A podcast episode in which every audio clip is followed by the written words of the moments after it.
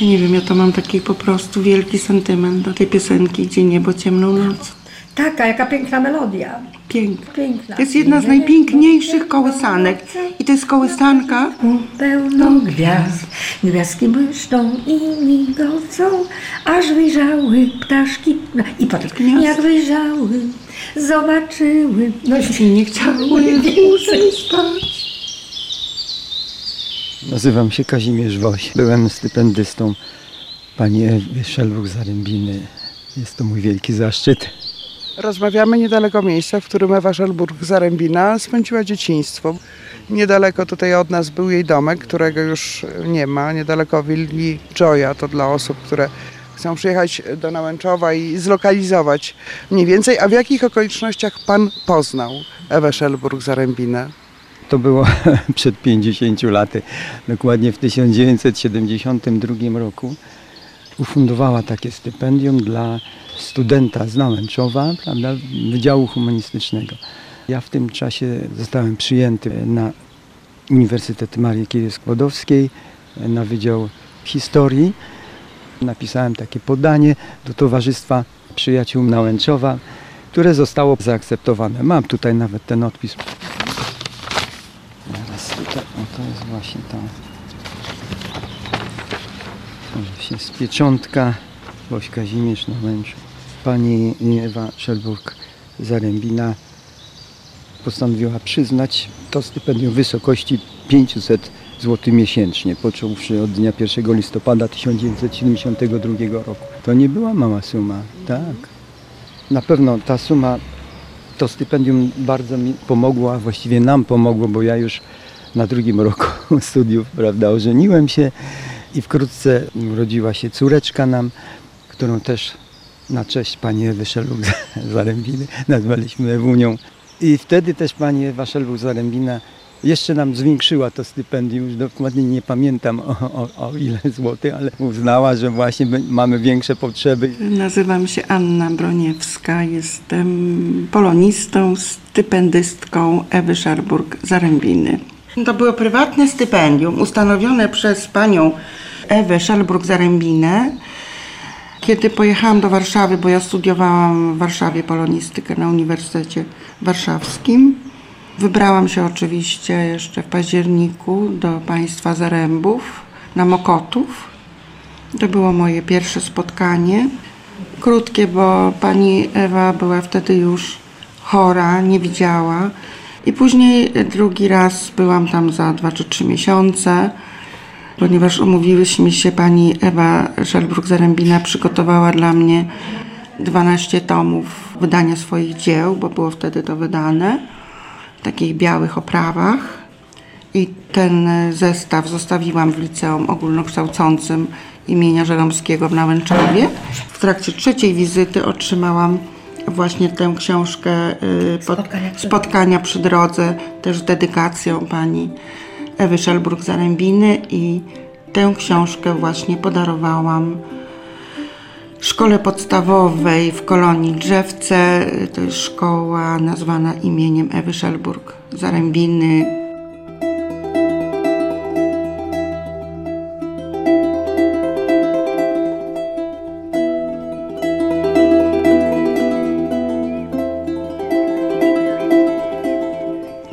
Muzeum Prusa w Nałęczowie.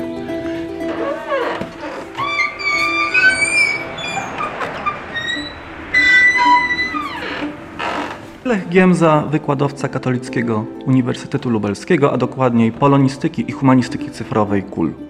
Irena Ewa Szelburg-Zarębina, urodzona 10 kwietnia 1899 roku. Zżyta z Nałęczowem, zżyta z Lubelszczyzną, postać wielowymiarowa, ale nazwijmy rzeczy po imieniu, chyba najbardziej jednak znana jako autorka wierszyków i baśni i bajek dla dzieci. Przypominamy ją również dlatego, że jest jednak autorką książek dla dorosłych. Jest prozatorką, jest autorką wielu y, wspomnieniowych rzeczy. Dość wcześnie przeprowadza się z Bronowic koło Puław, bo tam się urodziła z rodzicami do Nałęczowa, tak, 1901 rok. Z tego co wiemy, jej ojciec Antoni, tak zwany wysadzony z siodła, czyli ta grupa społeczna e, szlachty, która w pewnym momencie znacząco zubożała i musiała sobie radzić pracą fizyczną, pracą doraźną. I y, Antoni, który był ogrodnikiem, ale gdy podupadł na zdrowiu, był też kasjerem. I matka Elżbieta, która w momencie, gdy właśnie ojciec już ciężko zachorzał, to ona ratowała finansowo rodzinę pracami krawieckimi. Szyła tutaj dla pięknych dam, kuracjuszek różne stroje, tak jak czytamy zresztą, nie wszystkie za te stroje ostatecznie płaciły. I cóż, życie Ireny w ubóstwie, nie da się tego ukryć, ale dzieciństwo szczęśliwe, takie wspomina, to były te chyba najszczęśliwsze lata jej życia. Irena, bo najpierw miała Irena, tak? Ale Tak. przyjęło się Ewa. To Przyjęło się Ewa, ale wołano na nią Renia. Stąd często Renia, która gdzieś występuje w bajeczkach dla dzieci, w wierszykach również Renia. I co chyba szczególnie ważne, to jej rodzice, oboje, kładli bardzo duży nacisk na wykształcenie.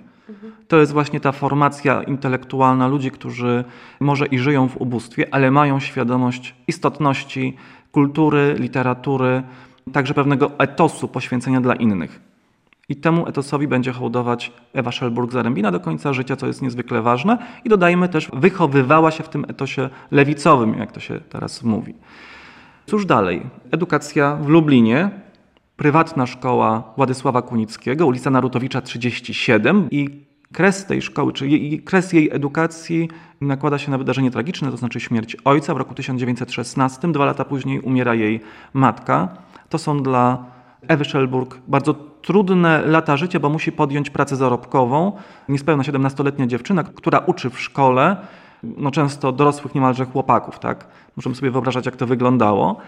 W roku 1918 decyduje się podjąć studia w Uniwersytecie Jagiellońskim, ale tych studiów nie kończy.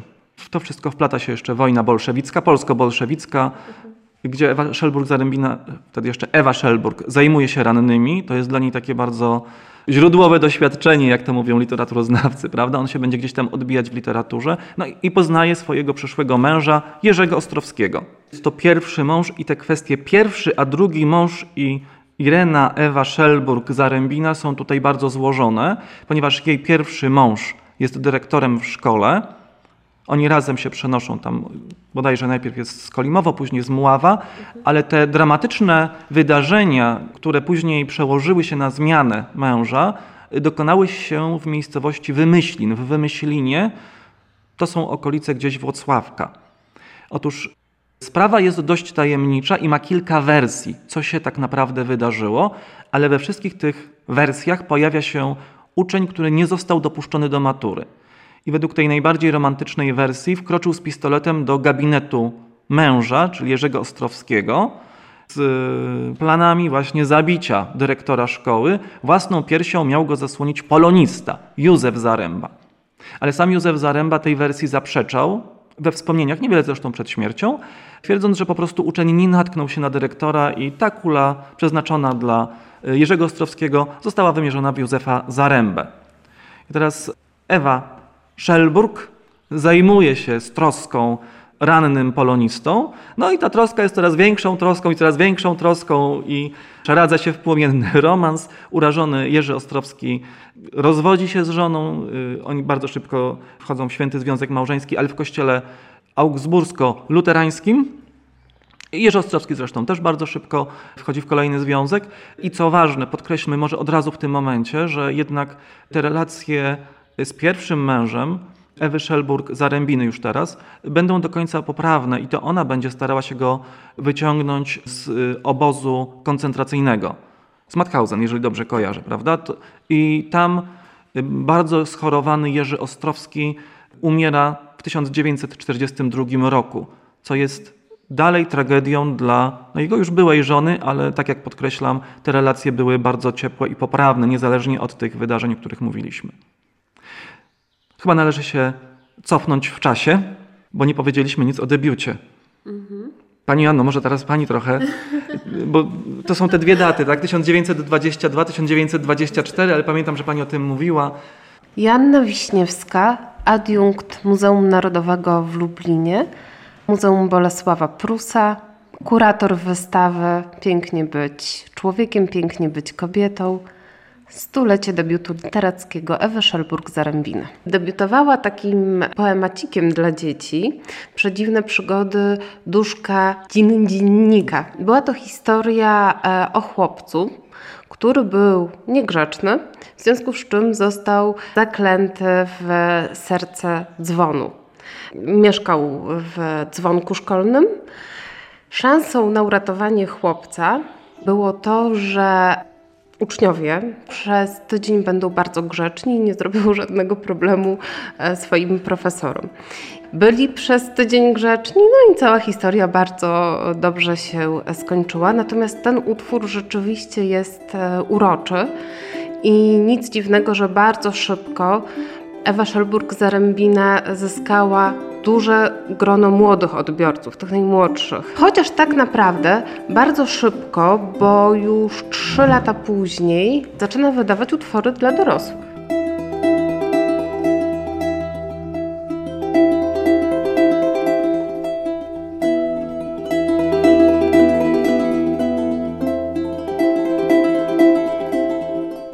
Liliana Saba, Nałęczowianka. Znałam Ewę Szalborg-Zarębinę od wczesnych lat z moich dziecięcych.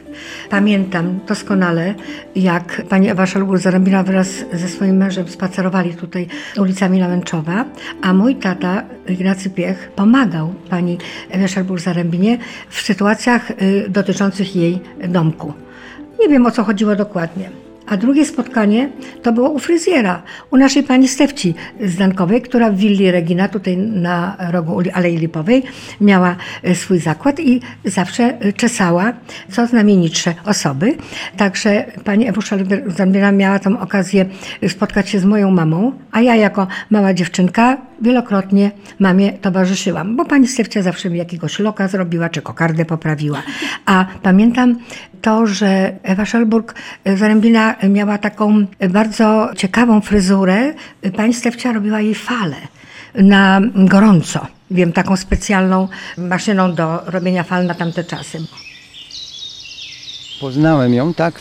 Wtedy to tutaj właśnie w tym 72 roku to tak przelotnie w Pałacu Małachowskich, a później to był w zasadzie taki kontakt korespondencyjny, chociaż też dużo nie pisała.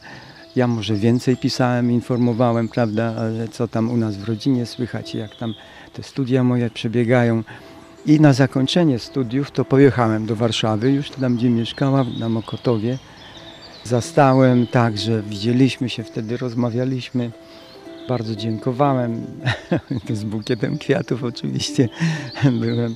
Przeszła sobie Lipową, kto wiedział kim jest, to prawda wiedział. Bardzo skromna, powiedziałabym nawet niezauważalna. Prawda? Wtapiała się tutaj w ten krajobraz, ale tak bardzo na uboczu.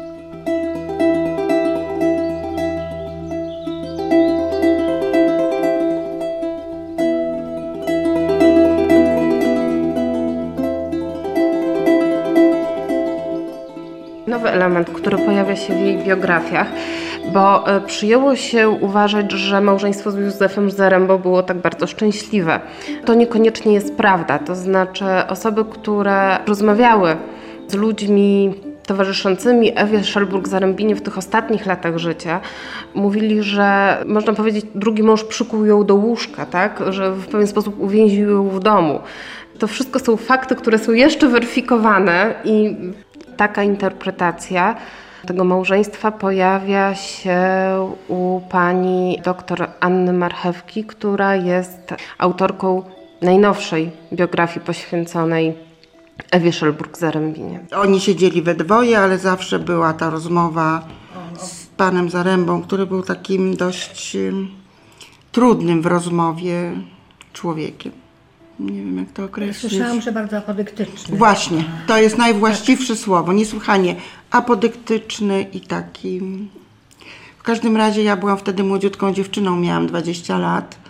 No to czułam się tak jak y, uczennica z ósmej klasy, więc niewiele się odzywałam No tak słyszałam też właśnie, że pan Zaręba był trudny, y, że tak powiem, w obejściu.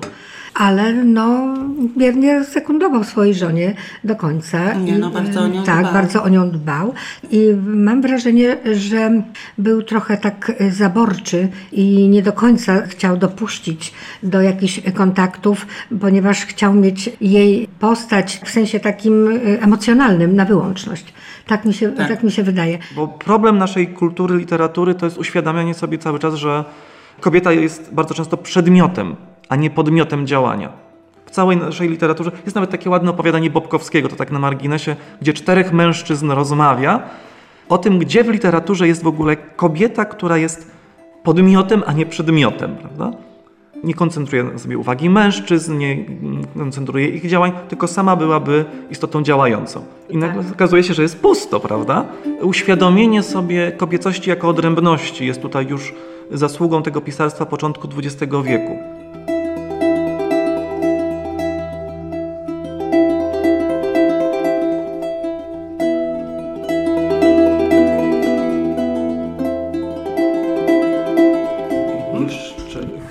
Jedna kwestia przedwojenna, zależałoby mi na tym, żeby ona tutaj wybrzmiała. Bardzo ważna rola też Zofii Naukowskiej.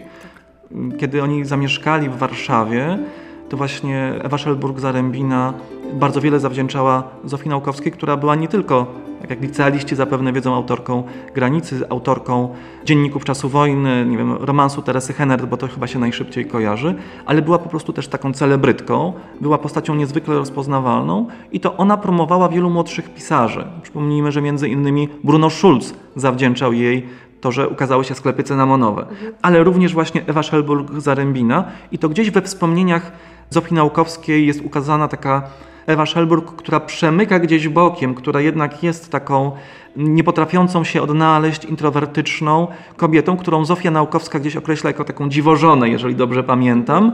I przygląda się właśnie jej gdzieś z boku, taka pisarka, która nie czuje się dobrze na salonach, to, to nie jest jej miejsce. Musimy zdawać sobie sprawę z tego, że biografia Ewy Szelburg-Zarębiny nie jest zbyt dobrze poznana. Oczywiście ukazało się kilka opracowań dotyczących jej życia i twórczości, ale nawet w tych opracowaniach znajdziemy bardzo rozbieżne informacje. Też warto sobie zdawać sprawę z tego, że Ewa Szelburg-Zarębina jest pisarką jednak współcześnie nieco zapomnianą. I tak ją troszeczkę traktowano już za życia, to znaczy w latach 70., 80. XX wieku mówiono o niej jako o pisarce osobnej.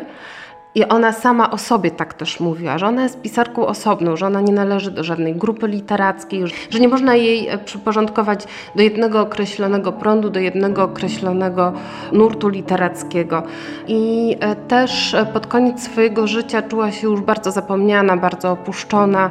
Była też troszeczkę zgorzkniałą już wówczas kobietą niestety.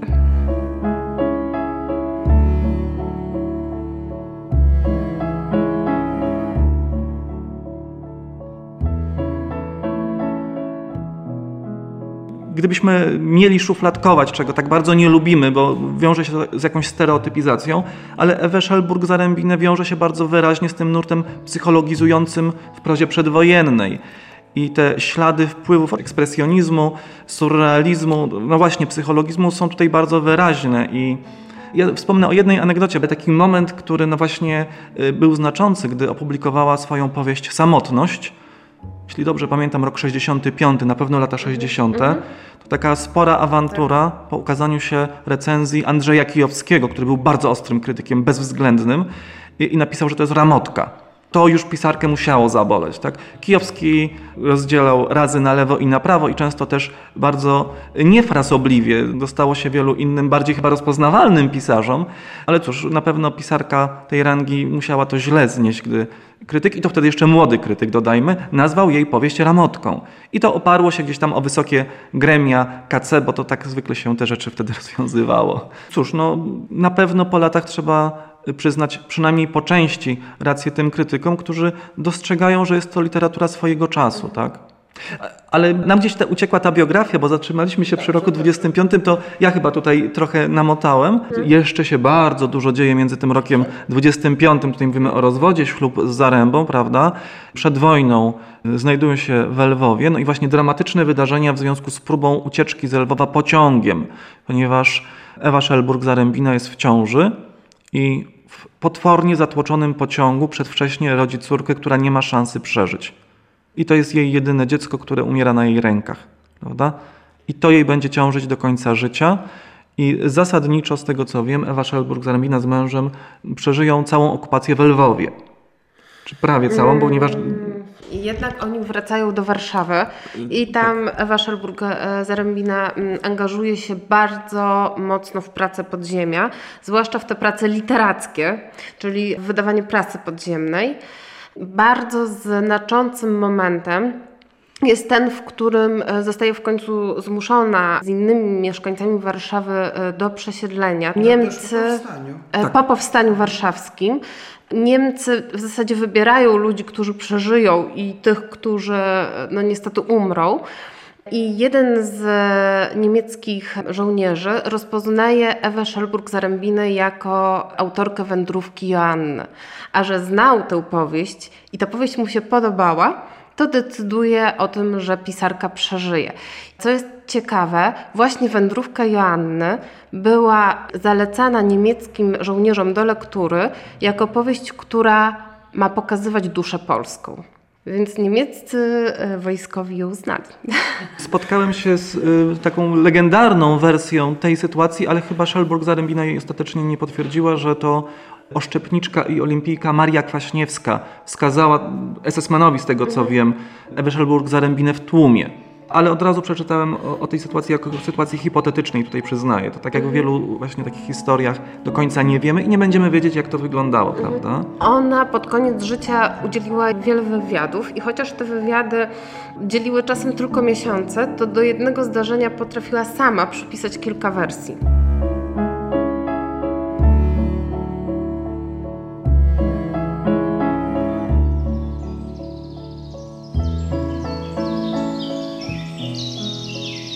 No tutaj na przykład o, panu Kazimierzostwo Wosią wszelkie pomyślności na rok 77. A tu taka ładna jest karteczka, to już właśnie dla naszej Ewy. Ewuni od Ewy. Warszawa, wrzesień 77. To już niech Ewunia zdrowo nosi jak pelerynkę, jak kapturek, tak, bo przysłała. No innym razem taką sukieneczkę ładną przysłała. No to jeszcze Ewa ma tą sukieneczkę na pamiątkę. Wtedy też dostałem właśnie tą książeczkę z, z taką właśnie dedykacją. Pięknie być człowiekiem. Zobaczmy, co tutaj jeszcze jest. A, o, to jest właśnie wtedy Zofia Nasierowska, to znana fotografa, ona właśnie też. To z 72 roku, 73 lata, tak? Chyba miała wtedy, tak. To tyle, co ja teraz mam. Ale z tego, co pan mówi, to bardzo osobisty kontakt był. Nie taki oficjalny stypendysta i fundator. Jednak mi się wydaje, że mam troszkę tych listów, interesowała się też tą moją pracą magisterską, pewne mi tutaj uwagi, wskazówki, wskazywała na jakie źródła mógłbym jeszcze skorzystać. Ja pisałem o Nałęczowie, przemiany społeczno-polityczne w Nałęczowie na przełomie wieku XIX i XX. No to był chyba złoty okres w historii Nałęczowa. Bardzo aktywny był Stefan Żeromski, Bolesław Prus. Pani Ewa widziała ich, spotykała ich, także znała. Co jeszcze bym tutaj może pokazał. No tutaj też interesowała się, chcielibyśmy wiedzieć, kiedy przesłaliśmy panu Kazimierzowi ostatnie stypendium, bo w tym rozgardiaszu kiepskiej pogody i kłopotów ze zdrowiem zupełnie się zagubiłam, a choć mała sumka, wiem, żeby się przydała. Państwo Kazimierzostwo Wosiowie. Tak, właśnie takie sformułowanie ładne, takie staropolskie można powiedzieć. Wypada tylko pogratulować wyników pracy Państwa obojga ślicznej córeczki. Fotki Ewu nie otrzymałam, ale powinna być uwieczniona cała Wasza trójka. Miła i dzielna mateczka Pani Krystyna. Dziś mąż przesłał pocztą Panu Kazimierzowi tysiąc złotych. W Nałęczowie byliśmy tylko parę, nawet kilka godzin. Niestety nic zbyt dobrego. zobaczymy. Wiem, że bardzo zabiegała, żeby właśnie liceum plastycznemu nadać y, imię y, Michała Elwiro Andriolego, który też tu mieszkał na Łęczowie. Też jest pochowany na cmentarzu. Jest nawet. pochowany na cmentarzu, właśnie, właśnie. No niestety tak się nie stało.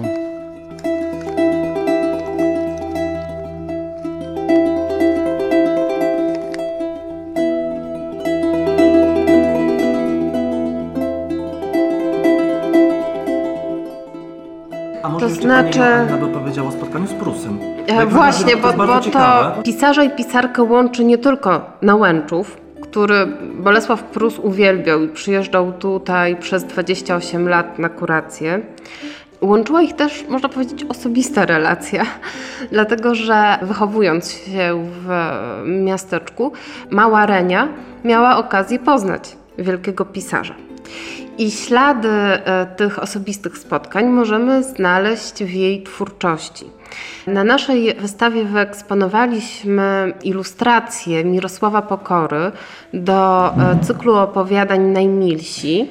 Pierwsze wydanie tych opowiadań to rok 1928, ale one były wielokrotnie wznawiane zarówno przed II wojną światową, jak i po wojnie. W zbiorach naszego muzeum te ilustracje znalazły się dzięki pracownikom Radia Lublin, dlatego że to Radio Lublin podarowało nam te oryginały. Te opowiadania są urocze. One pokazują taką dziecięcą wrażliwość, bo w zasadzie każde z tych zwierzątek, które jest opisane, jest gdzieś znajdowane. A to króliczek z chorą łapką na łące, a to wróbelek, który wyparł z gniazdka, jakieś przybłędy pieski. No i na koniec w ostatnim opowiadaniu pojawia się właśnie Bolesław Prus, który zastaje Renię na spacerze z pieskiem. Ewa opisuje, jak wyglądał pisarz, w jaki sposób się do niej zwracał, że był to przesympatyczny pan, że w ogóle nie przypominał wielkiego autora lalki. To jest to najwcześniejsze wspomnienie o Bolesławie Prusie. Pojawiły się też inne.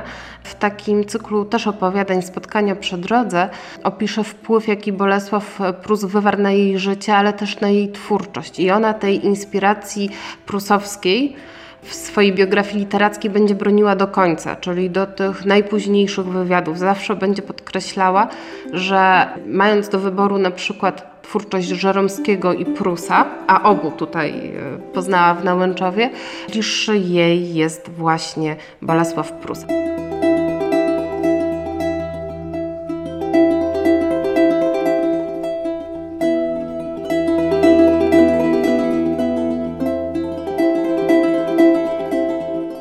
Chyba no, cieniem kładzie się jednak miejscami ta fraza taka bardzo młodopolska. Inna emocjonalność, bo kiedy mówiliśmy o tym ekspresjonizmie i surrealizmie, to powiedzmy o czym my tutaj mówimy, czyli bardzo często jest to proza patetyczna w swojej wymowie, taka koturnowa. Takie postaci y, jednoznaczne często w swoim wymiarze, reprezentujące raczej pewną skalę zjawisk. Ekspresjonizm jest y, modą literacką przebrzmiałą która nie miała zbyt wielu reprezentacji w naszej literaturze. Tak? Bardzo często widzimy postaci w takim y, gwałtownym napięciu emocjonalnym, tak jak na przykład w wędrówce Joanny. Samotna kobieta postawiona wobec zamkniętej małej grupy społecznej, gdzie wszystko jest opisane takim językiem bardzo metaforycznym, sugerującym właśnie bardzo duże napięcie emocjonalne. Gdzieś jeszcze pokutuje tutaj taki naturalizm i miejscami no, powiedzmy to wprost, miejscami te fragmenty są wtórne wobec tego, co już znamy z literatury. To znaczy, jeżeli wracam do tej literatury, to jednak z przyjemnością. I to, co pierwotnie wcale nie musiało być wartością tej literatury, a więc pewien zmysł reportażowy, pewna umiejętność wyłapania konkretu. Także to, co dla mnie osobiście jest ważne, dostrzeżenie psychiki dziecka. To wcale nie było takie oczywiste w początku XX wieku. To właśnie dostrzeżenie świata poprzez wrażliwość, czułość dziecięcą i to, no właśnie, dziecka gdzieś z tych nizin społecznych, tak to nazwijmy. Ja tutaj nie chcę stygmatyzować. Tutaj raczej chodzi o to, że mówimy o dziecku, które ma doświadczenie życia na wsi, kontaktu ze zwierzętami, kontaktu z ciężką pracą. Ja na przykład tęsknię, rozmawiam ze studentami, oni też. Zapach mleka z wieczornego udoju, zapach traw unoszący się wieczorem gdzieś z nad łąki, słońce wkradające się gdzieś z rana i można tutaj tak trochę kiczem pojechać, ale to jest taki bardzo przecież ciepły kicz, za którym tęsknimy i nie ma w tym nic złego. Przypomnienie sobie, jak wyglądało to życie gdzieś na początku XX wieku. Ciężkie, tak. Często gdzieś graniczące z nędzą, tak. Nie zwiastujące niczego dobrego, owszem. Ale jednak, jak widzimy, pełne takiego rodzinnego ciepła, pełne świadomości konieczności wykształcenia i tak dalej, i tak dalej. To tutaj jest. Myślę, że ta trudność lektury, jeśli tutaj już spuentuję, to jest właśnie to, że to nie jest kwestia trudna, łatwa literatura, tylko nasze doświadczenia człowieka XXI wieku nie mieszczą się w tamtych doświadczeniach. To jest zupełnie inny świat. Sięgam dlatego, że tęsknię, a nie dlatego, że znam.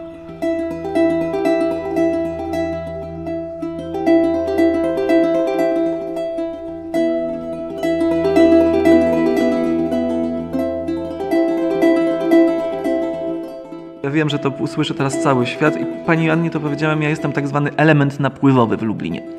Ja przyjechałem spod Tarnowa i cały czas zderzałem się z takim doświadczeniem obcości tego miejsca. I u Ewy Szelburg-Zarębiny znalazłem między innymi u niej ślad tego Lublina, z którym chciałem się zżyć. Ślad tej lokalności, który jest dla mnie tak bardzo ważny. Dla mnie Ewa Szelburg-Zarębina, i to będzie bardzo subiektywne i nieuczciwe, jest bardzo mocno czechowiczowska w swym wyrazie. I to zarówno w prozie dla dorosłych, jak i w twórczości dziecięcej. Dla mnie było zaskoczeniem, kiedy jeszcze na zajęciach moich, gdy ja byłem studentem, rozmawialiśmy o Czechowiczu i widziałem, jak bardzo bliskie jest to temu, co wyniosłem z lektury Szelburg-Zarębiny, jeszcze dziecięciem będąc, tak? Ten oniryzm, ta właśnie baśniowość, która łagodzi grozę świata ten surrealizm, to co gdzieś kieruje ku takiemu bardzo sprywatyzowanemu odbiorowi świata. I właśnie ten Lublin, którego nie potrafiłem nazwać własnymi słowami, jakoś go odczuwałem, ale dla mnie jako polonisty jest ważne to, że odczucie nienazwane to się nie liczy, prawda? Musi być wydobyte na powierzchnię. Nawiązując do tytułu wystawy, Pięknie być człowiekiem, pięknie być kobietą. Ten aspekt kobiecości chcieliśmy wyeksponować. Dla mnie osobiście ważne było odniesienie się do słów wypowiedzianych przez Ewę Szelburg-Zarębinę.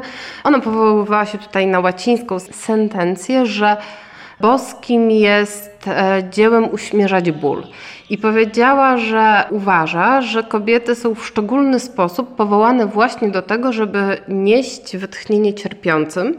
Odwoływała się w ten sposób do swoich doświadczeń jako sanitariuszki podczas wojny polsko-bolszewickiej, kiedy pracowała w Rzeszowie w e, Przemyślu, do swoich doświadczeń harcerskich i nawet ta historia początków drugiego małżeństwa też pokazuje, że ona niosąc ulgę cierpiącemu, zaangażowała się też emocjonalnie. Tak. Ja myślę, że z panią Joanną jesteśmy z tej samej szkoły kulowskiej bronienia pozytywistów i etosu pozytywistycznego, który tak często był wyśmiewany, to co usłyszeliśmy pewnie na tych samych zajęciach u tej mhm. samej osoby, że my sprowadziliśmy etos pozytywistyczny do bogacenia się, prawda? Mhm. A on niósł ze sobą bardzo ważne przesłanie, które jest cały czas aktualne. To, co pani Joanna tutaj szczególnie cały czas podkreśla, czyli ten patronat Bolesława Prusa, jest bardzo mocno wyrażony w tym etosie zaangażowania na rzecz słabszych, potrzebujących, cierpiących. Tak. Otóż kiedy byłam w pierwszej klasie szkoły podstawowej, a uczyła mnie, moją wychowawczynią była pani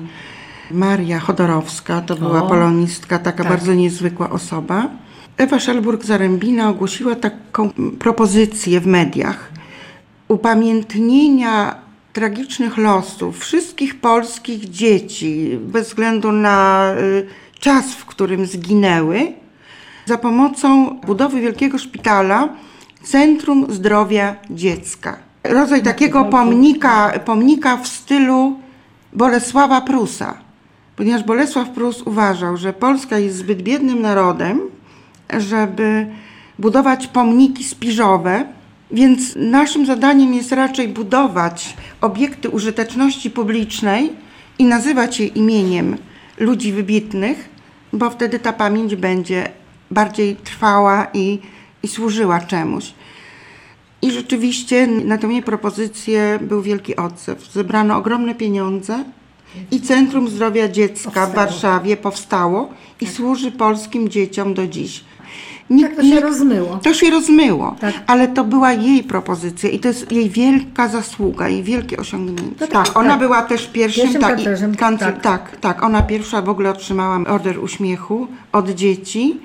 A w naszym kościele przecież jest to A jeszcze jest jeszcze tak, a, a teraz druga taka sprawa, którą się zetknęłam we wcześniejszym dzieciństwie, to jest tablica pamiątkowa poświęcona wszystkim polskim dzieciom, które zginęły w różnych okolicznościach wojennych i dziecku Ewy Szelburg-Zarębiny, jedynemu, Lwowie. tak, urodziła tam córeczkę, która urodzona przedwcześnie zmarła, bo to był okres wojny, Taki okupacji, tak. Były naloty i to się stało w trakcie nalotów. I ta tablica jest i też o niej w zasadzie się zapomina. Nigdzie o niej nie ma wzmianki. Ja próbowałam poszukać o tej tablicy wzmianki w internecie, nie ma. Lokalni przewodnicy o tym zapomnieli. W ogóle, tak, Przecież to, to o tym się nie mówi. W 96 roku przed Domem Kultury Położono. położony został kamień Tak. z napisem ku pamięci Ewy Tak. Szalburg-Zarębiny. To jest ta posesja, na której stał jej No domek. tak, ale Był imienia który jej, który jej tata, którym się jej tata opiekował. Na Łęczowie to jest jedyna pamiątka, plus oczywiście grób Ewy Szelburg-Zarębiny Tak. i jej męża na, na Łęczowskim cmentarzu.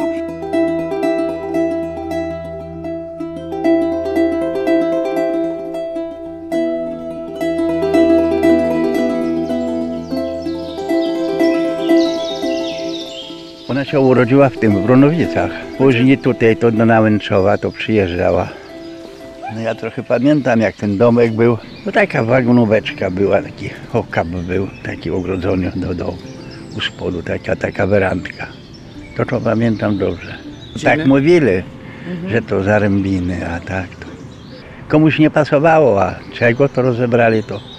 Ten domek to była maleńki, tak maleńki, że to ja nie wiem, czy tam było 15 metrów wewnątrz, czy 20. No tak, tam był taki, taka werandka, czy taki Tak, ale to od strony, od strony Tak. willi Joya, a Tak. tutaj, y, no tam mieszkała pani Adamczykowa. Tak. Ten domek był w strasznym stanie technicznym. On był w zasadzie nieremontowalny. Ja rozmawiałam z panią Bukowską, tak. Bukowską, tak. Były rozmowy różne na ten temat. Były różne propozycje, ale to się po prostu zwyczajnie w świecie nie udało, bo to wymagało tak wielkich nakładów. Poza tym tam był jeszcze problem właśnie nieuregulowanej własności działki. My też tutaj jako Towarzystwo Przyjaciół Nałęczowa zabiegaliśmy o utworzenie po śmierci tego muzeum w tym domku. Jeszcze był ten domek wtedy, można go było wyremontować. No nie dało się niestety.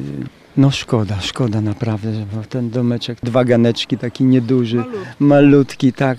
I tam można by było urządzić taką, takie muzeum, izbę. Po śmierci pani Ewy miałem kontakt jeszcze z jej mężem, z panem Józefem Zarębą.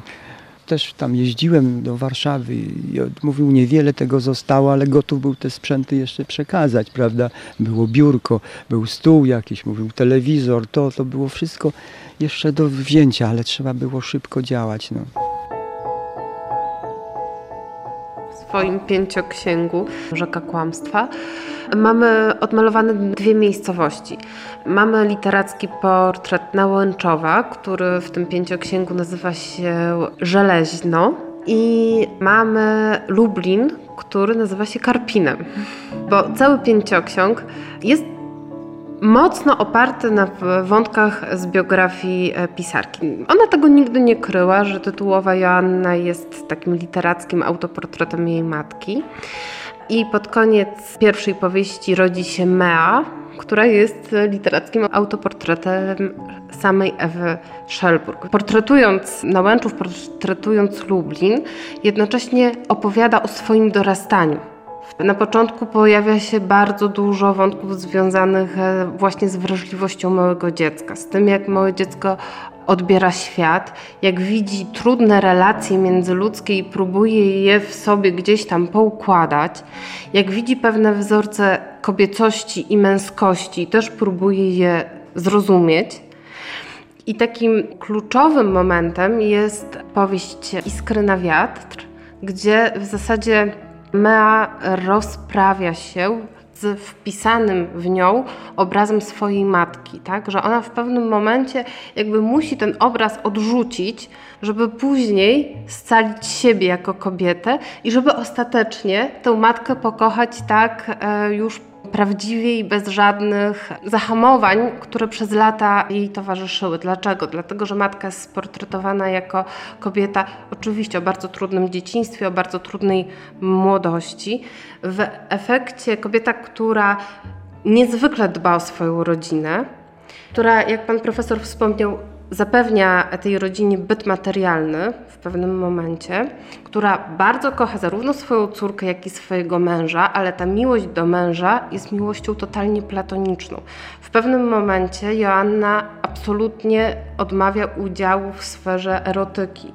Mała dziewczynka mierzy się na przykład z tym, że no, w pewnym momencie widzi próbę gwałtu małżeńskiego. I ona jakby sama w sobie musi to poukładać, że to jednak nie tak. Że ona jako ten piękny człowiek, jako ta piękna kobieta musi pójść swoją drogą. Nie wiem, ja to mam taki po prostu wielki sentyment do tej piosenki Gdzie niebo ciemną noc. Taka, jaka piękna melodia. Piękna. Piękna. To jest jedna z najpiękniejszych kołysanek. I to jest kołysanka Pełno gwiazd, gwiazdki błyszczą i migocą, aż wyjrzały ptaszki. No, I potem, jak wyjrzały, zobaczyły, no i się nie chciały.